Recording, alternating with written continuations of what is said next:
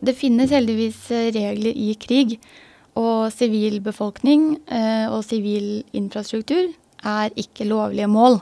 Det er ikke lov å bombe en skole hvor det er lærere og elever.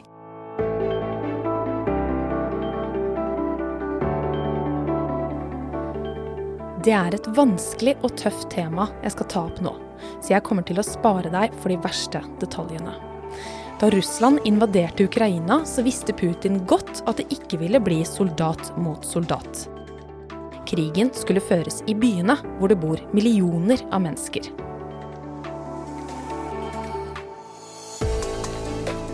Du hører på podkastutgaven av Hvor hender det? fra NUPI.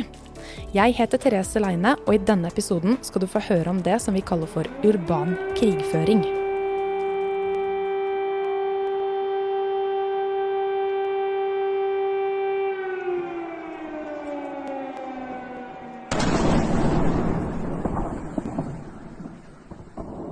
Народные республики Донбасса обратились к России с просьбой о помощи. Torsdag 24.2 gikk Putins Russland til angrep på nabolandet Ukraina.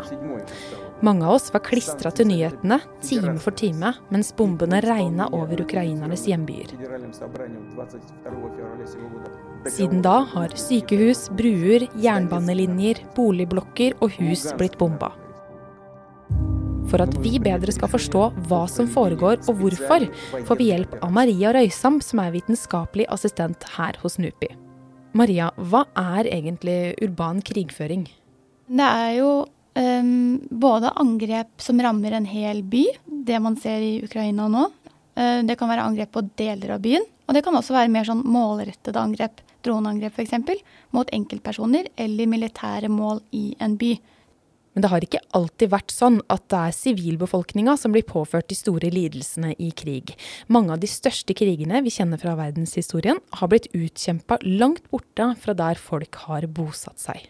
Ja, altså kriger har jo alltid blitt utkjempet eh, også i byer. Men tidligere var det vanligere at eh, soldater møttes på hver sin side av en øde slagmark i skyttergraver.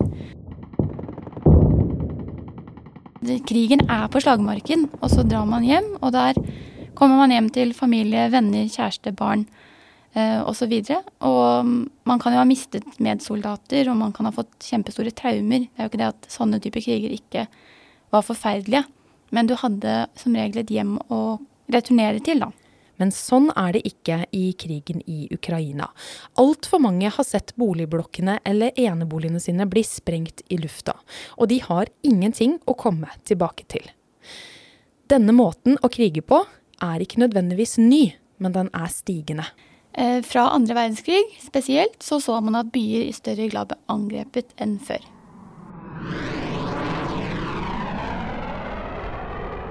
Krig i by eller urban krigføring, det er jo ikke nytt. Byer har alltid blitt angrepet, fordi det er der viktige beslutninger blir tatt.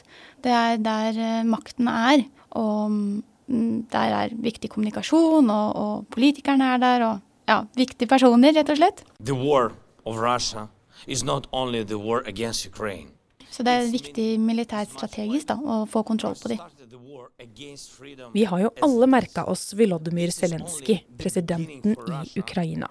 Han har blitt et ikon over hele verden for rollen han har tatt i krigen. Og visstnok så er det Zelenskyj som er det primære målet til Putin. Han holder taler for folkevalgte politikere over hele verden via videolink, bl.a. for Stortinget i Norge. Selv befinner han seg mesteparten av tiden midt i Kyiv. Hovedstaden i Ukraina har dermed vært et mål i den russiske krigføringen.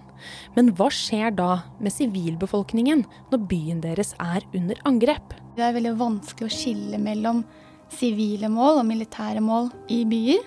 De er tett oppå hverandre. Ser man på effekten av f.eks. eksplosive våpen, bomber og osv. i byer, så ser man at 90% av de som eh, omkommer, de som blir drept, er sivile. Så når krigen tas på en måte hjem, da, eller til byen, så har det enorme konsekvenser for de sivile som bor der. Men det er ikke bare det å bli ramma direkte av en bombe som kan være dødelig for sivilbefolkningen. Når vi snakker om urban krigføring, så må vi merke oss ordet infrastruktur.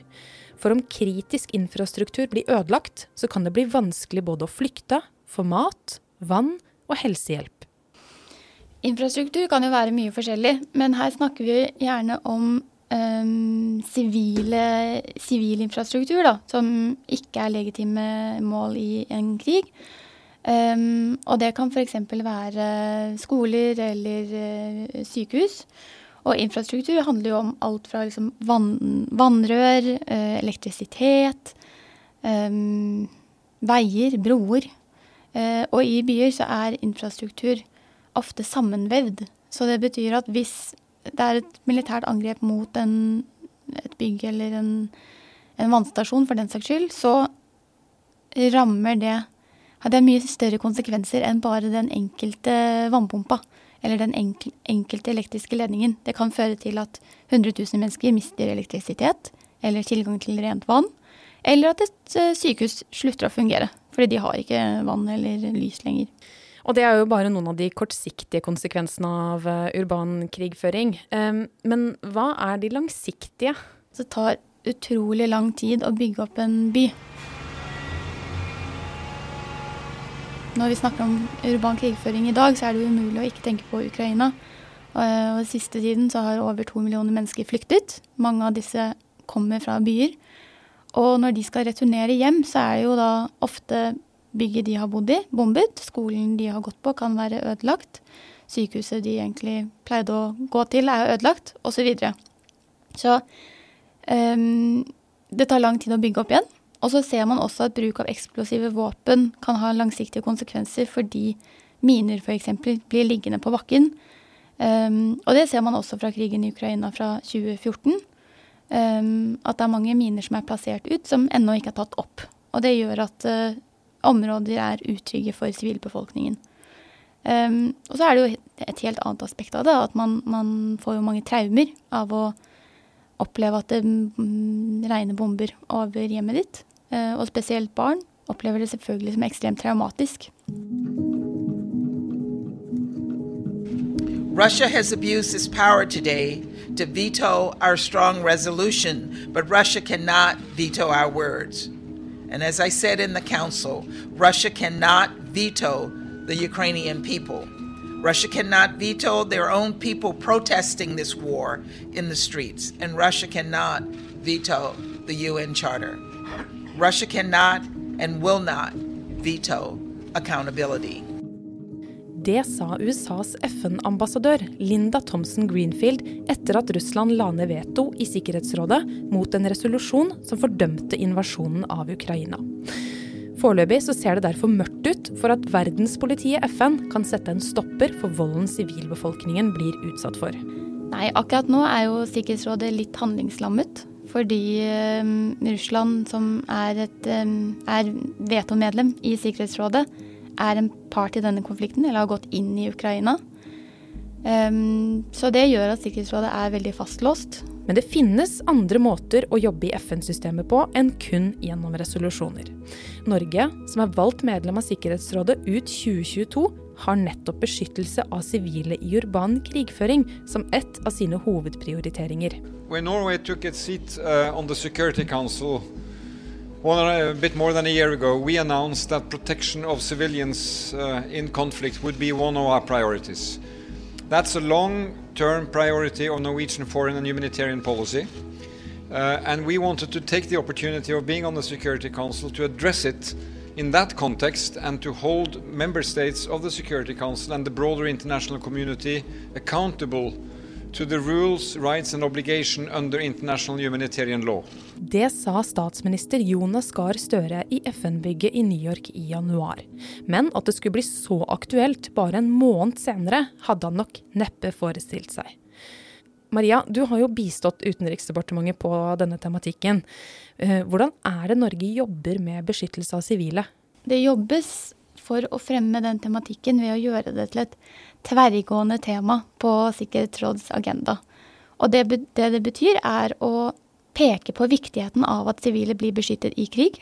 Og det gjør man ved å styrke språket på beskyttelse av sivile og viktigheten av humanitærretten i alle rådsprodukter. Så når statene forhandler i rådet om å vedta en resolusjon, så jobber Norge for at språket skal være så sterkt som mulig på beskyttelse av sivile og beskyttelse av barn. Men selv om eh, språket er viktig, eh, så virker det jo helt absurd at vi lever i en verden hvor en mann bare kan bestemme seg for å bombe en hel sivilbefolkning. Er det liksom ingen grenser for, eh, for hva man kan gjøre i verdenssammenheng? Det er det. det. Det finnes heldigvis regler i krig. Og sivilbefolkning og sivil infrastruktur er ikke lovlige mål. Det er ikke lov å bombe en skole hvor det er lærere og elever. Um, så vi har regler, men de brytes ofte. Og det gjelder ikke bare Russland og Ukraina, men det gjelder i mange andre sammenhenger um, i mange kriger. Dessverre. Denne podkasten er basert på en artikkel fra Nupis artikkelserie Hvor hender det? Hvis du vil lese våre artikler om utenrikspolitikk, så kan du besøke oss på nupi.no. slash skole. Og om du vil høre flere podkastepisoder, kan du søke på Hvor hender det i din podkast-app. Husk også at Nupi har to andre podkaster. The World Stage, som er på engelsk, og som går i dybden på internasjonale spørsmål og fagdebatter. Og Utenrikshospitalet, hvor vi diagnostiserer verden en episode av gangen. Og har du innspill eller spørsmål til oss, så er det bare å sende en e-post til skole at nupi.no.